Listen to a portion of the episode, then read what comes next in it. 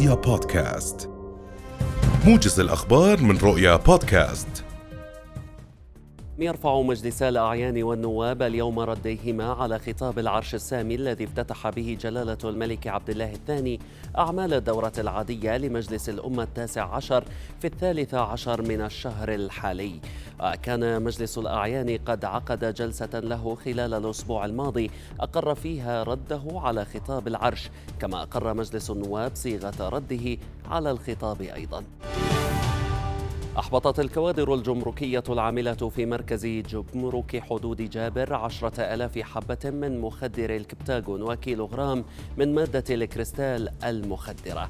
الناطق الإعلامي باسم دائرة الجمارك قال إن شاحنة فارغة قادمة من دولة مجاورة وتحمل لوحة عربية ويقودها سائق من جنسية عربية.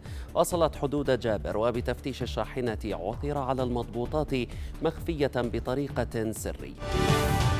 نفذ العشرات من موظفي الشركة الأردنية السورية للنقل البري وقفة احتجاجية أمام مبنى وزارة المالية للمطالبة بصرف رواتبهم المتوقفة منذ 43 شهرا على حد قولهم.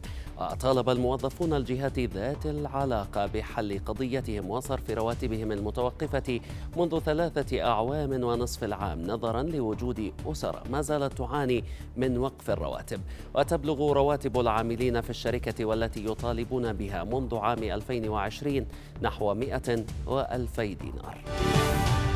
يبدأ اليوم وقف أو وقف ضخ المياه من محطتي الديسي وزي لمدة ستة أيام حتى السبت المقبل بهدف إجراء صيانة وقائية سنوية مبرمجة بحسب وزارة المياه والري. سيؤدي هذا الإجراء لوقف ضخ المياه لمدة ستة أيام عن عمان والزرقاء والبلقاء طيلة فترة الصيانة.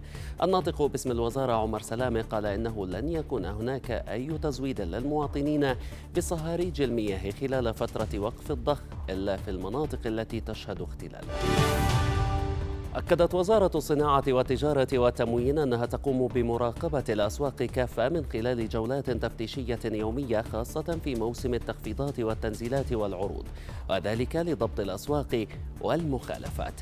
الناطق الإعلامي باسم الوزارة ينال البرماوي قال إن هناك من يقوم بمحاولة تقديم عروض وهمية وهم فئة قليلة وهذا مخالف للقانون ويتم التعامل معهم وفق الأنظمة والقوانين.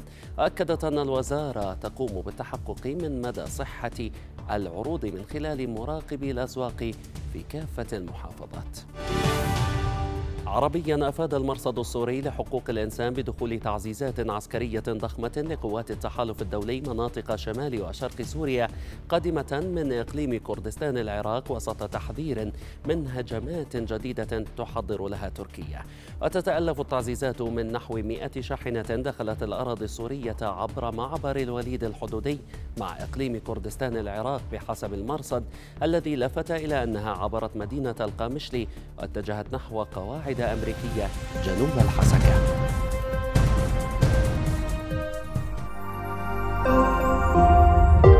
رؤيا بودكاست.